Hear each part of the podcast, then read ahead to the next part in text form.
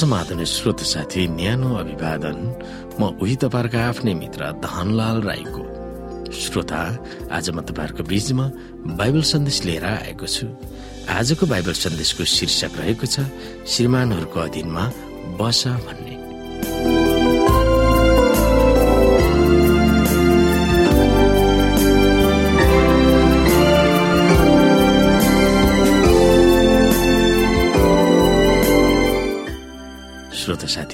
विवाहित जोडीले एक आपसलाई नियन्त्रण गर्ने र दबाउने प्रवृत्तिबाट हट्नुपर्छ भन्ने दिदी एलिन्जी भाइटले बारम्बार आह्वान गर्दछिन्। एक आपसको इच्छालाई एक आपसले नियन्त्रण गर्ने प्रयास गर्नुहुन्न। यदि एकले अर्कोलाई दबाएर घर परिवार चल्यो भने त्यहाँ प्रेमको वातावरण हुन सक्दैन। एक आपसमा दया देखाउनु पर्छ सदा सहायता धैर्यता सहनशीलता शिष्टता हुनुपर्छ। आफ्नो भावभन्दा अर्काको भाव उचाल्ने खालको व्यवहार पति र पत्नीको बीचमा हुनुपर्दछ।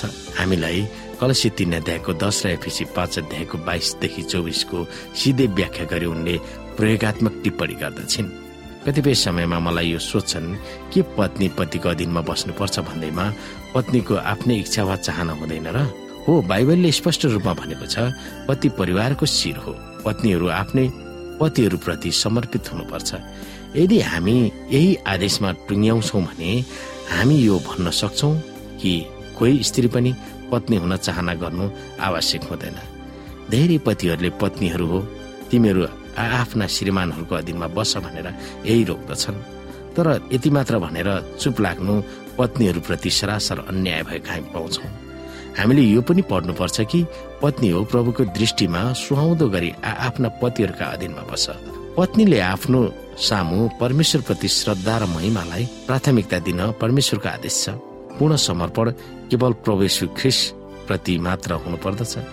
किनभने उनलाई आफ्नो बालिका बनाउन अपार मोल अर्थात् आफ्नै ज्यान उहाँले फाल्नु भएको थियो।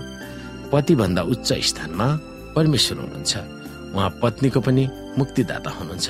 परमेश्वरको दृष्टिमा सुहाउँदो वा परमेश्वरमा योग्य व्यक्ति पति हो भनेर पतिप्रति समर्पित हुनु जायज हुन्छ।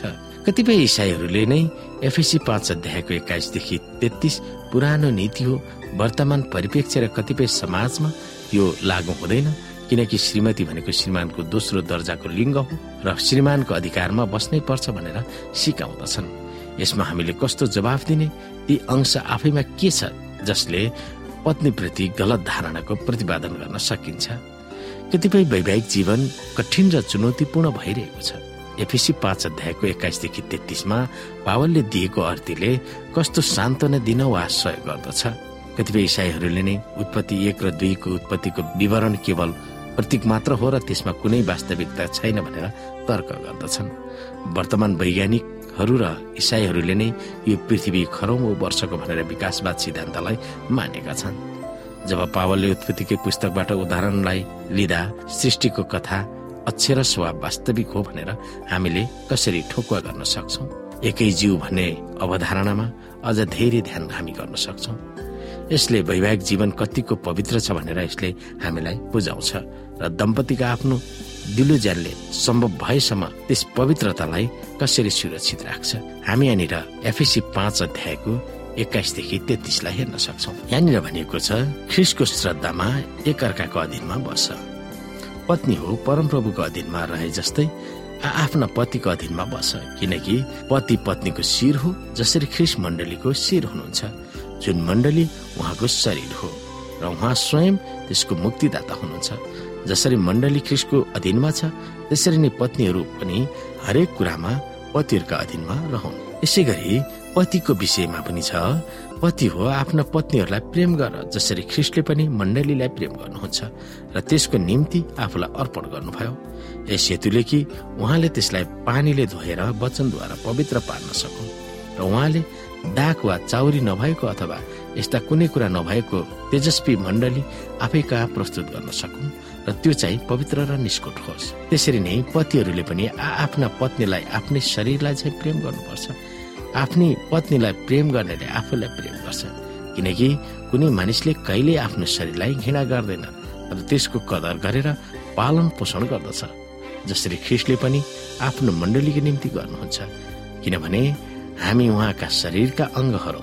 यसकारण मानिसले आफ्ना आमा बुबालाई छोडेर आफ्नै पत्नीसँग मिलिरहन्छ र ती दुवै एउटै शरीर हुनेछन्। यो एउटा गम्भीर रहस्य हो अनि यो कुरा म ख्रिस्मा र मण्डलीको सम्बन्धमा बोल्दछु। जे भए पनि तिमीहरू हरेकले आफ्नी पत्नीलाई आफैलाई झै प्रेम गर र पत्नीले पनि आफ्ना पतिको आदर गरोस्। श्रोत साथी हामीले जसरी आफ्नी पत्नीलाई प्रेम गर्छौ त्यसरी नै ख्रिस्टले पनि मण्डलीलाई प्रेम गर्नुहुन्छ। मण्डलीको शिर अथवा पति परमेश्वर हुनुहुन्छ। यसरी पतिहरू पनि पत्नीको शिर हुन्छ जसरी ख्रिस निष्कोट हुनुहुन्छ र मण्डली पत्नी हो। त्यसरी पत्नीहरूको शिर पति हो र पति पनि निष्कोट र आफ्नो पत्नीलाई प्रेम गर्ने हुनुपर्दछ। र आफ्नो पत्नी भनेको आफ्नो शरीर हो र शरीरलाई प्रेम गर्ने खालको र पालन पोषण भरण पोषण गर्ने खालको हुनुपर्दछ। यिनै कुरा पावलले हामीलाई आह्वान गर्दछन्।